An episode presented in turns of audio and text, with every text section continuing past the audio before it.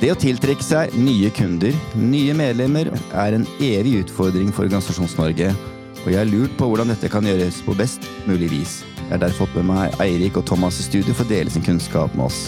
Jeg har bedt dem å svare på hvilke forutsetninger som må på plass, de mest relevante virkemidlene som finnes, og hvordan dette best mulig organiseres. Mitt navn er Frode Stenstrøm, og dette er Prosesspodden. Eirik, jeg vet at du har lang erfaring fra Orgsys som det het før, eh, og Redningsselskapet. Hva er det du brenner mest for? Jeg tenker min fanesak det er gode data. Datakvalitet. For Få integrerte data. Da har man et veldig godt grunnlag for at både medlemmer, eller kunder, eller hva man kaller det, og sine egne ansatte har en, får en god opplevelse i alt de foretar seg. Thomas, jeg vet at du har lang erfaring fra både flere typer CRM-systemer og leveranser. Hva er det du brenner mest for? Jeg brenner for veldig mange forskjellige ting. Men eh, hvis jeg skal trekke fram eh, noe personlig, så må det være menneskene jeg får lov å jobbe med der ute. Og det at man kan få være med og påvirke hvordan hverdagen til de menneskene er. Og få være, erfare hvordan resultatene av det arbeidet vi legger ned, og den gleden det gir av å levere gode løsninger. Det er egentlig det som får meg til å stå opp om dagen og gå på jobb. Og så I tillegg til det menneskelige aspektet, da, så liker jeg egentlig å hjelpe mine kunder med å forstå seg selv, og gjøre ting enkelt og tydelig og intuitivt.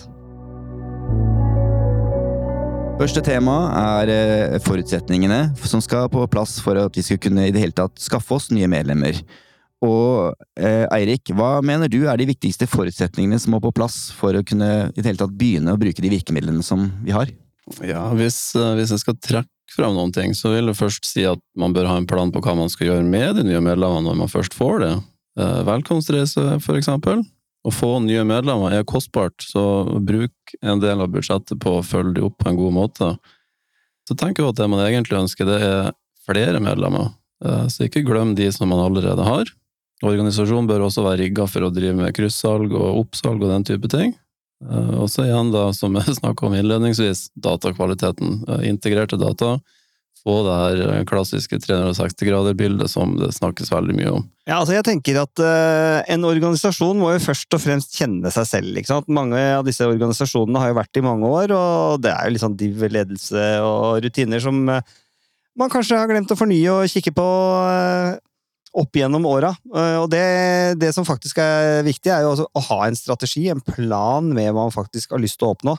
Ikke bare 'vi må skaffe oss flere medlemmer', for det, det, er noe alle vil. Men hvis du har en plan, og legger en strategi på hvordan du skal oppnå den planen, så er, det, er du bedre rigga til å klare det. Og, og, så er det jo to, det er to skiller egentlig også blant medlemsorganisasjoner. Det er disse som er åpent for alle å bli medlem, og så er det de som eh, kun er for eh, egne målgrupper, da. Og, og, det jeg tenker på generelt i forhold til disse to, er at man må, man må man må rett og slett tørre å være litt unike og gjøre seg sjøl eh, annerledes. For det er altfor mange løsninger der ute som er helt like. Det er bare forskjellig logo, eh, og i praksis samme funksjonalitet eh, man tilbyr. Da, da er det litt vanskelig å stikke seg ut. Men eh, Eirik, du sa jo i sted dette med gode data. Eh, kunne du utdype det litt mer? Ja. Um Altså, jeg, I mitt univers så er data liksom grunnmuren for alt man, man foretar seg. Det, da, med det så tenker jeg på at du har oppdaterte data, det er riktige data, det er integrerte data. Du har jo gjerne flere systemer som, som har sine ting, så få det sydd sammen. Og i tillegg at man har kontroll på duplikater. Da. Så én person finnes bare én gang i systemet, og ikke flere. Det tenker jeg er nødvendig fordi man får grunnlaget til å ta gode beslutninger. Uh, har man dårlige data, så tror man kanskje man tar gode beslutninger uten at man egentlig har gjort det. Um, man får, som jeg sa tidligere, bedre medlemsopplevelser. Altså færre klager, økt lojalitet, uh, forhåpentligvis bedre eller lengre levetid. Uh, og det frigir tid i organisasjonen, som kan brukes på andre artige ting i stedet datakvalitet, uansett om det er en medlemsorganisasjon eller om det er en vanlig bedrift, er en evig kime til utfordring. Eh, hvem skal vedlikeholde dataen, Thomas? Det er et bra spørsmål, Frode. Eh, tradisjonelt så har jo organisasjoner tenkt at de skal vedlikeholde sine egne data og sørge for sin egen datakvalitet, men i dag så er jo mulighetene mye større. Man kan eksempel koble seg til tjenester på nett for å vaske og oppdatere, man kan kjøpe lister, eller så kan man jo faktisk invitere til dialog med sine egne medlemmer og få dem til å oppdatere sine egne data selv. Det er mye mer vanlig i dag enn den tradisjonelle approachen med at uh, man selv er ansvarlig for uh, firmaets egne dataer. Vi skal jo snakke litt senere om organiseringen, som også er en forutsetning for det hele. Men jeg tenkte vi skulle begynne å se litt på denne, dette med kommunikasjon. Og all kommunikasjon er avhengig av et godt budskap. Hvilken rolle spiller markedsmateriellen din, Thomas? Hadde du spurt meg for noen år siden, så ville jeg kanskje sagt at uh, det er viktig å ha et godt nyhetsbrev til alle. Det er viktig å ha en Facebook-side, uh, men det gjelder vel kanskje ikke i praksis lenger. Man bør kanskje ha dette i tillegg. Men uh, de fleste i dag av medlemmer ønsker tilpasset informasjon til sine interesser, til de kanaler og den frekvensen man selv ønsker å motta informasjon på. Det er slutt på massekommunikasjon, eh, hvor bare deler av innholdet er interessant. Og det å finne ut hvordan man kan kommunisere til medlemmer i den frekvensen og i de målgruppene og interessene de har, det er, eh, det er en nøkkel å finne ut av det. Eh, men der vet jo vi selvfølgelig masse om hvordan man skal approache det, den datafangsten du er jo inne på nå, det går jo på det å gå fra eh, massekommunikasjon til én-til-én-kommunikasjon.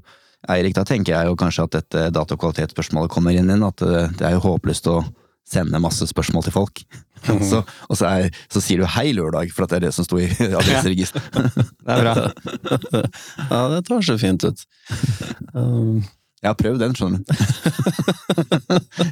jeg har også hørt at man har fletta inn sånne fritaksfelt der man har skrevet interne kommentarer om mm. kunder som har ringt og klagd, eller noe sånt. Det går fort gærent. Ja, det går kule varmt. Sånn skal man ikke gjøre det, iallfall. La oss eh, ta noen ord om uh, virkemidlene. Ja, altså Du kan gjøre dette på flere måter. og Det tradisjonelle er å ha liksom, en digital tilstedeværelse som type nettside, blogg, post, at man poster ting på sosiale medier som Facebook, X, Instagram. Uh, det er jo egentlig kanskje mer i ryggraden for å bygge merkevare. Tiltrekke seg oppmerksomhet rundt produkt og tjenester og sånne ting. men det er kanskje litt mer generelt og folk er kanskje mer og mer immune mot sånn generell markedsføring.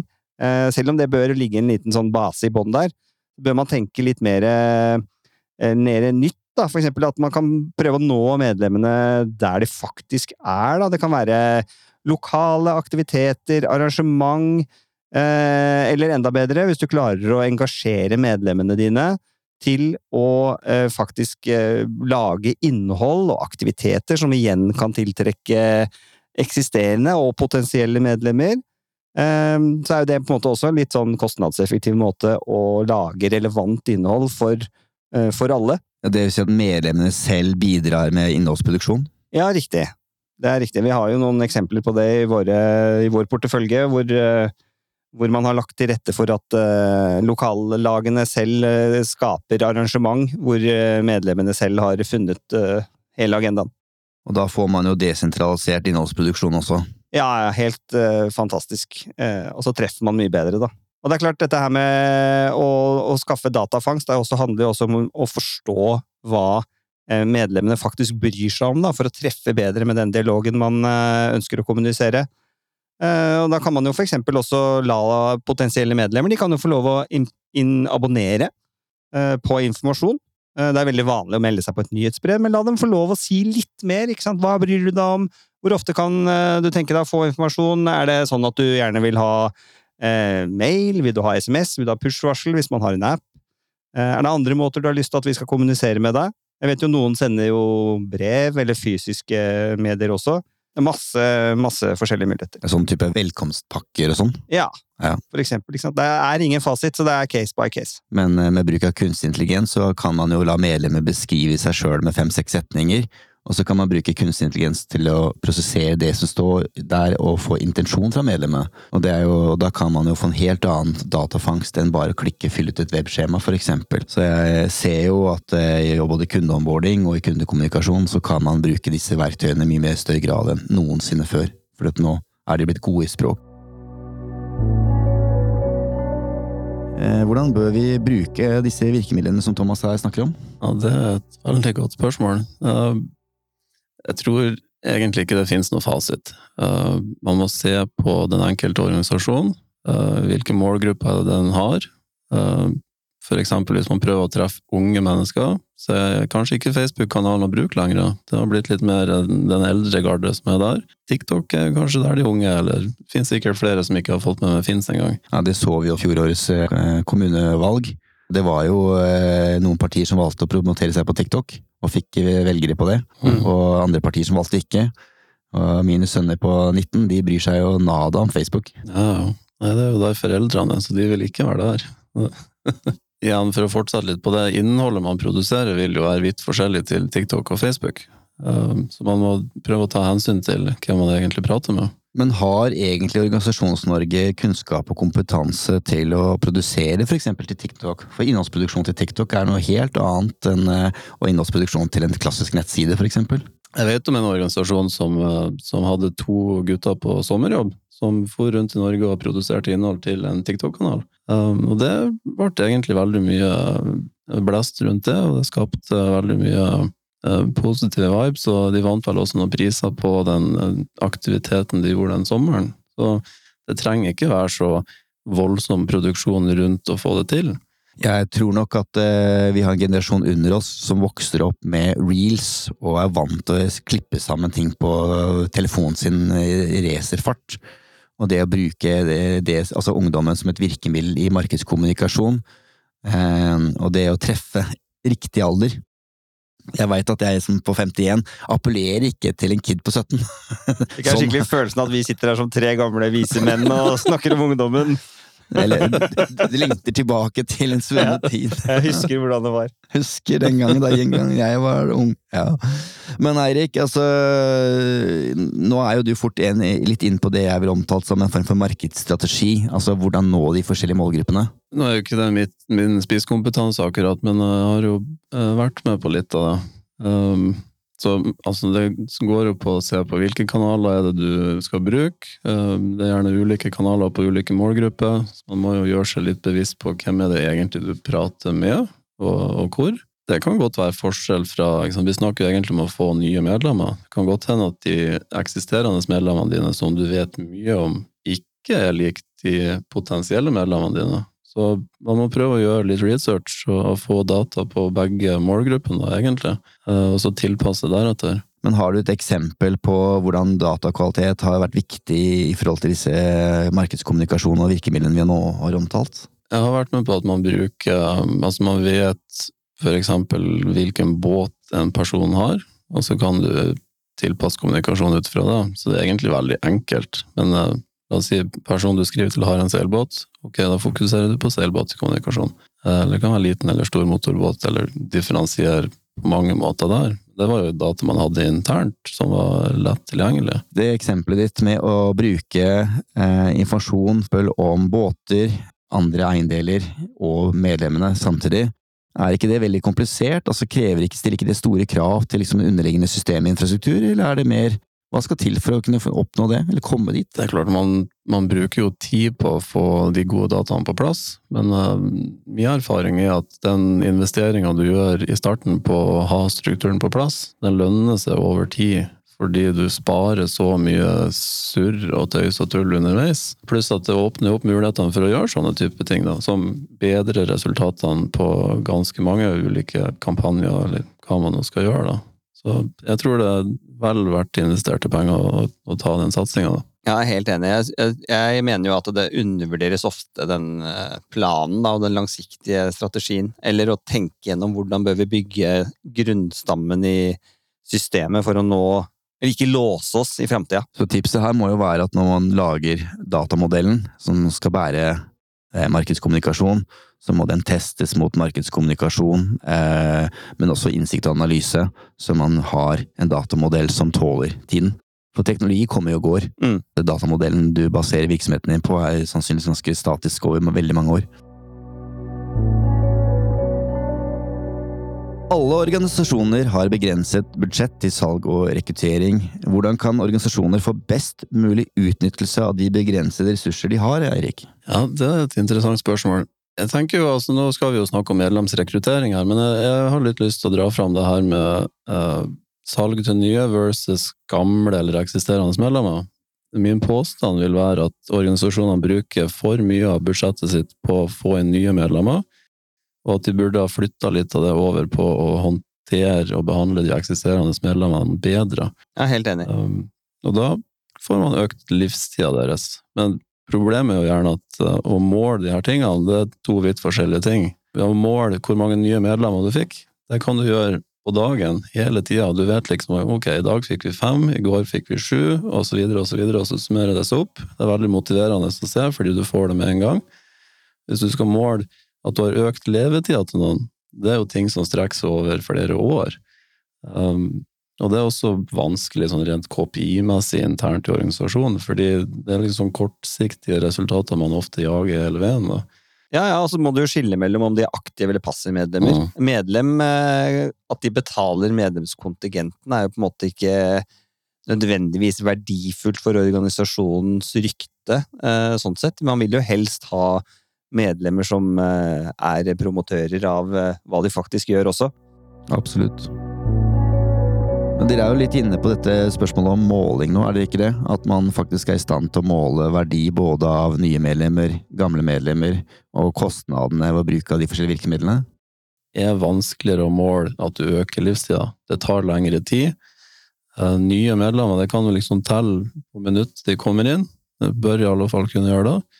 Eh, Mens hvis du øker livstida, så ser du kanskje det okay, om et år, om to år, tre år, fire år, kanskje ti år fram i tid, ser du hvor lenge de du fikk inn i dag, har faktisk vært medlem. Så Det er litt sånn trege kopier og ikke like poppis å drive og jobbe med som å få inn nye. Apropos måling, da tenker jeg at det er veldig lite fokus på å måle kostnaden av eh, en investering. da. Eh, Hvis man gjør en kampanje, for eksempel, så er det veldig lite måling av kost og nytte eh, av effekten av kampanjen. Eh, De som er skikkelig gode, de eh, har en plan og et årshjul på markedsaktiviteter, og hvordan de skal fange nye kunder. Kanskje det hjulet, som du sier, Eirik, ikke inneholder hvordan de skal tette hullene og stoppe kunder fra å lekke ut i bunn. Men de som drar det et knepp lenger, de har faktisk også tenkt på hvor mye penger de putter inn i kampanjen, og kanskje satt en forventning om eh, resultat, og så glemmer man å kikke på det. Så det å kikke på det i tillegg, sette de to tingene opp mot hverandre, og så prioritere der man eh, faktisk får eh, gevinster, det har jeg til gode å se i god praksis hos mange. Så må man jo ikke glemme at man faktisk registrerer hvor medlemmet kommer fra. Altså, om altså det kommer fra nettsida, det kan man kanskje få til, men kommer det fra en eller annen kampanje som har kjørt som linker til nettsida, så det er ting man burde vite for å kunne måle det her. Så bør man kanskje se på en helhet, fordi eh, en rekruttering kommer jo ikke ofte som funksjon av én markedsaktivitet isolert sett, men se på en helhet. Sånn at mitt råd vil være å si at vi måler hvert enkelt innsatsfaktor, for det er lett å gjøre. Hva Mm. kostet å kjøre den kampanjen, hva kostet å kjøre det seminaret? Og så må man se på totalresultatet, for det kan man også se. Og da klarer man å se på om aktiviteten går opp eller ned. For hvis man ser sum investering på tvers av all investering man gjør, og så ser man på sum inntjening, så kan man jo se om man går opp eller ned, eller man må øke innsatsfaktorene. Når du først har kommet så langt, så er det jo lettere å begynne å prioritere virkemidlene igjen, syns jeg, da. Ja, At man man klart. klarer å tenke seg ok, men da vi vet, ok, e-post virket for oss, og det er billig, ja, da kan vi bruke det. Men kanskje vi skal personifisere det mer i større grad, istedenfor å slutte med bare sånn, den masseutsendingen, da. Mm. En annen faktor synes jeg, i det bildet her er byråer. Eh, Det å kunne bruke reklamebyråer eller kommunikasjonsbyråer har jo også en ganske kjent størrelse, en kjent kost. Og her kan man jo også da sette opp eksempel en, eh, en eh, belønningsmodell. Veldig mange møtebookere, eksempel, de booker møter. Blir, blir betalt et antall møter, skaffer oppdragsgiver. Så det går jo an å, å få en prioritering, og det må gjøres en prioritering. Nøklene må være at vi faktisk måler fra starten av, og ikke bare synser. Mm. Og jeg syns at altfor mange eh, markedsenheter jeg møter, de vet ikke. De har gjort sånn i alle år, så da fortsetter vi å gjøre sånn i alle år. Det er så, er så lett, hvis man bare har tenkt på fra starten, eller eh, en eller annen gang underveis, at det, vi må ha fakta på hva vi driver med. Kan ikke synse. Da ah, Jeg bare irriterer meg over at uh, ikke flere tenker sånn. Ah, Det er, eh, men det er nok eh, Jeg tror det er kompetanse, rett og slett. Ja. Det er en manglende forståelse. Det er man, og det er ikke så rart, for at den, jeg pleier å si at det er en- historisk forklaring til det meste i verden. Det var folk som var dritgode på en ting for ti år siden, og så har verden forandret seg. Og TikTok var det jo ingen som snakket om for 20 år siden. Hvilken rolle har medlemsfordelen i Det er jo nok et kjedelig svar, men jeg tror ikke det finnes noe fasit på det.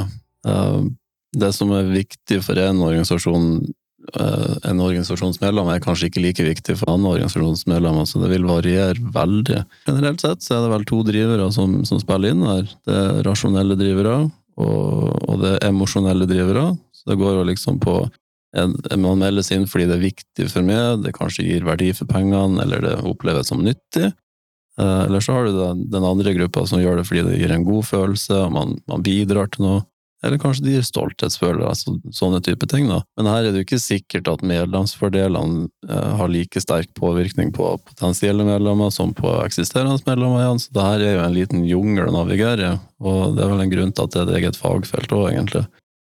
Eh, Så man må rett og slett bare prøve å gjøre undersøkelser, finne ut av det her mål, kanskje benchmarks mot andre lignende organisasjoner, få liksom en sånn her, et innblikk da i hva er det som er viktig for vår målgruppe, og så prøve å, å, å sette kursen ut fra det. da. Men da snakker vi jo om eh, relevans i medlemstilbudet.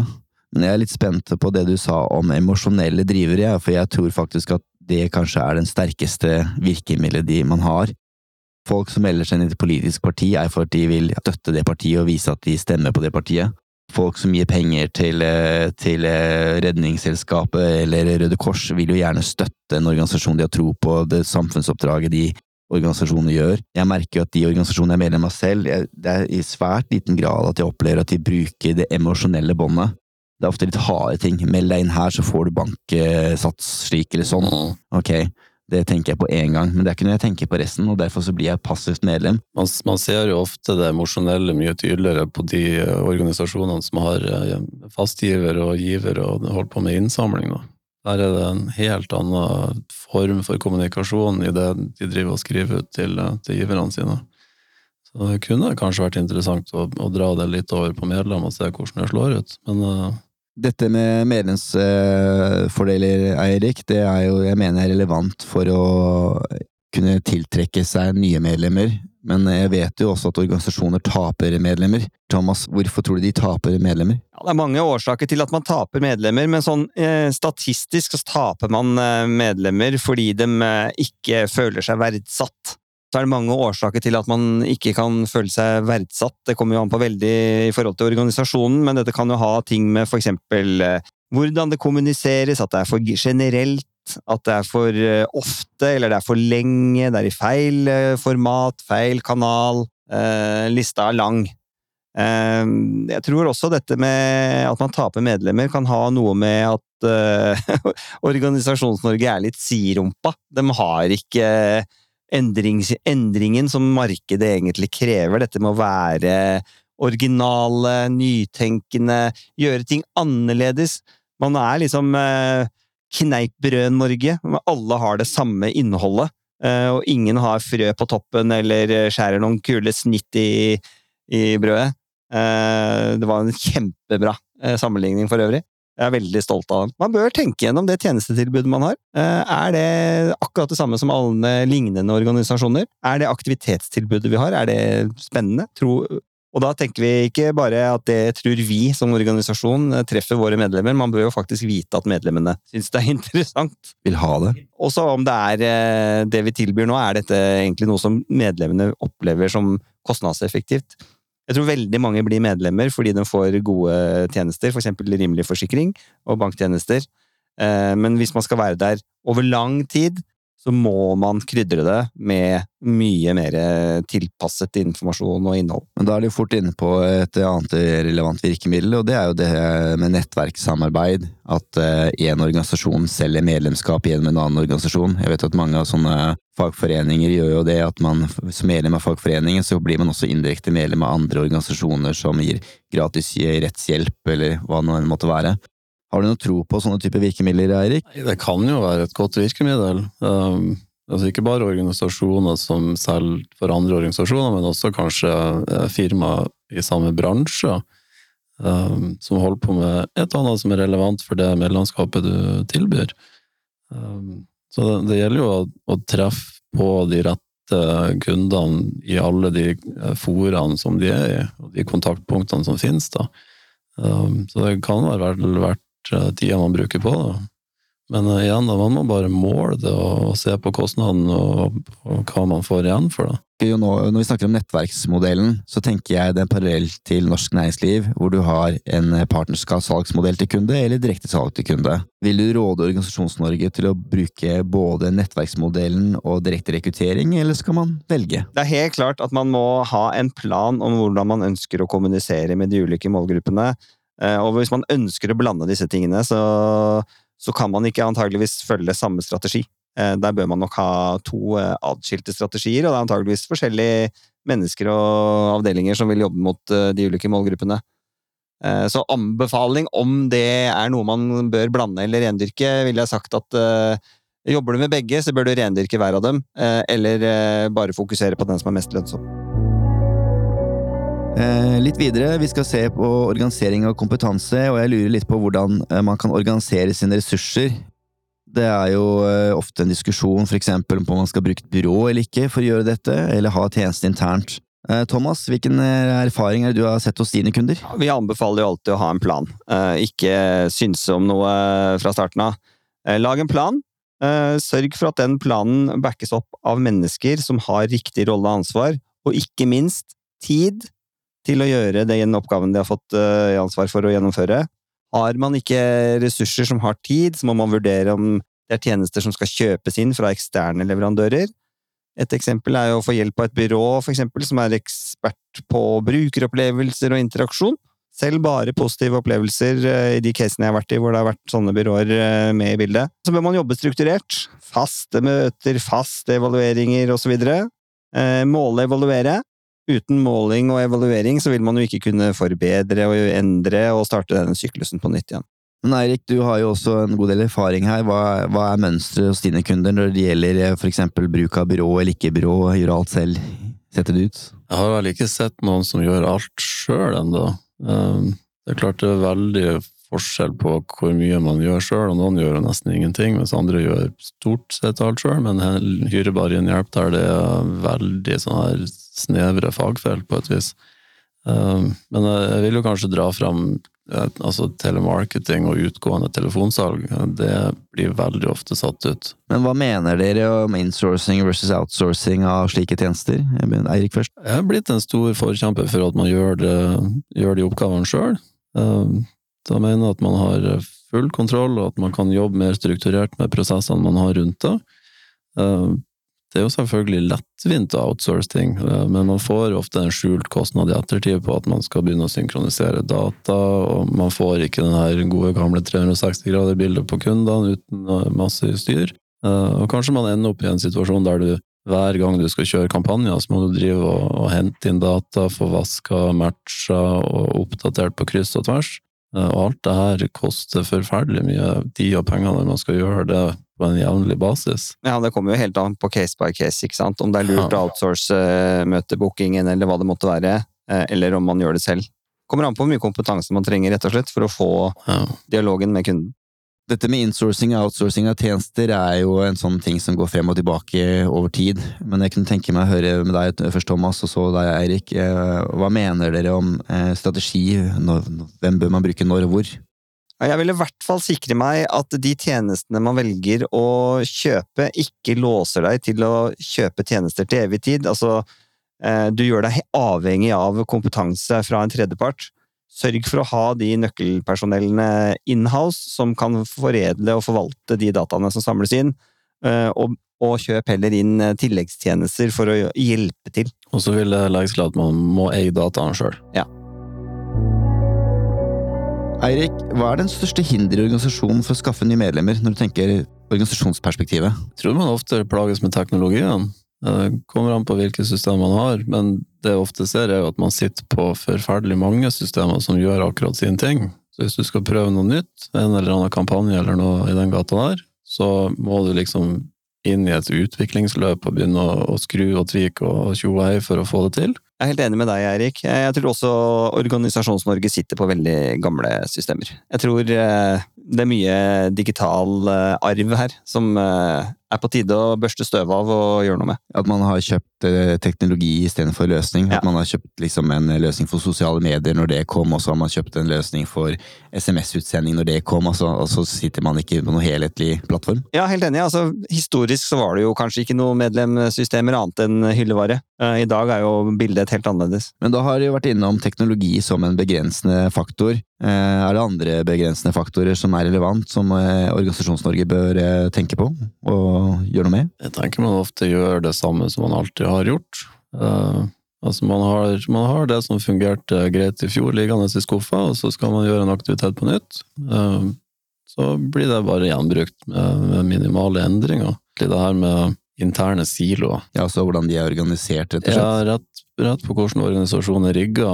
Eh, Man har ofte ulike produkter. altså Man har medlemskap, kanskje man har noen givere, en nettbutikk som driftes og selger noe greier, og så har man gjerne kurs og aktiviteter og litt sånt. Eh, Og hvis man har, eh, hvis man har målinger på de ansvarlige for de ulike tingene her, som går bare på deres salg, så mister man litt den her interne motivasjonen for å egentlig holde på med litt kryssalg og oppsalg og den type ting, og så strander man mer i interne konflikter som heller sliter på organisasjonen. Um, så jeg litt på hvilke kopier organisasjonen faktisk har. Uh, så tror jeg det kan kanskje utløse at man får til mye mer på det man allerede sitter på av data. Jeg tenker at vi skal runde av nå, og jeg pleier alltid å runde av med et sånt kort spørsmål til dere begge. Hvis dere skulle oppsummert liksom hva vi har diskutert i dag med deres eh, beste tips, én eller tre ting, bare sånn kort og konsist. Thomas, eh, hva ville det vært? Ja, veldig kort. Altså, lytt til medlemmene deres, og tør å tenke nytt. Og Eirik, da? Jeg ville sagt bruk mer av budsjettet på de eksisterende medlemmene. Um, det er mye enklere å få de til å sitte lenger enn å hele tida må lete etter nye medlemmer. Tusen takk til dere begge to for at dere var med oss i dag. Denne episoden er å finne overalt der dere pleier å høre på podkast, samt nettstedet radioprosesspilotene.no. Denne podkasten er produsert av Prosesspilotene. Prosesspilotene øker verdien av dine kunder, bruk av Microsoft-teknologi og jobber med arbeidsprosessene markedsføring, salg og service. Ansvarlig for denne episoden har vært meg, Frode Stenstrøm. Jeg tar gjerne imot spørsmål og tilbakemelding på LinkedIn, med ønske om bedre arbeidsprosesser for alle på gjenhør.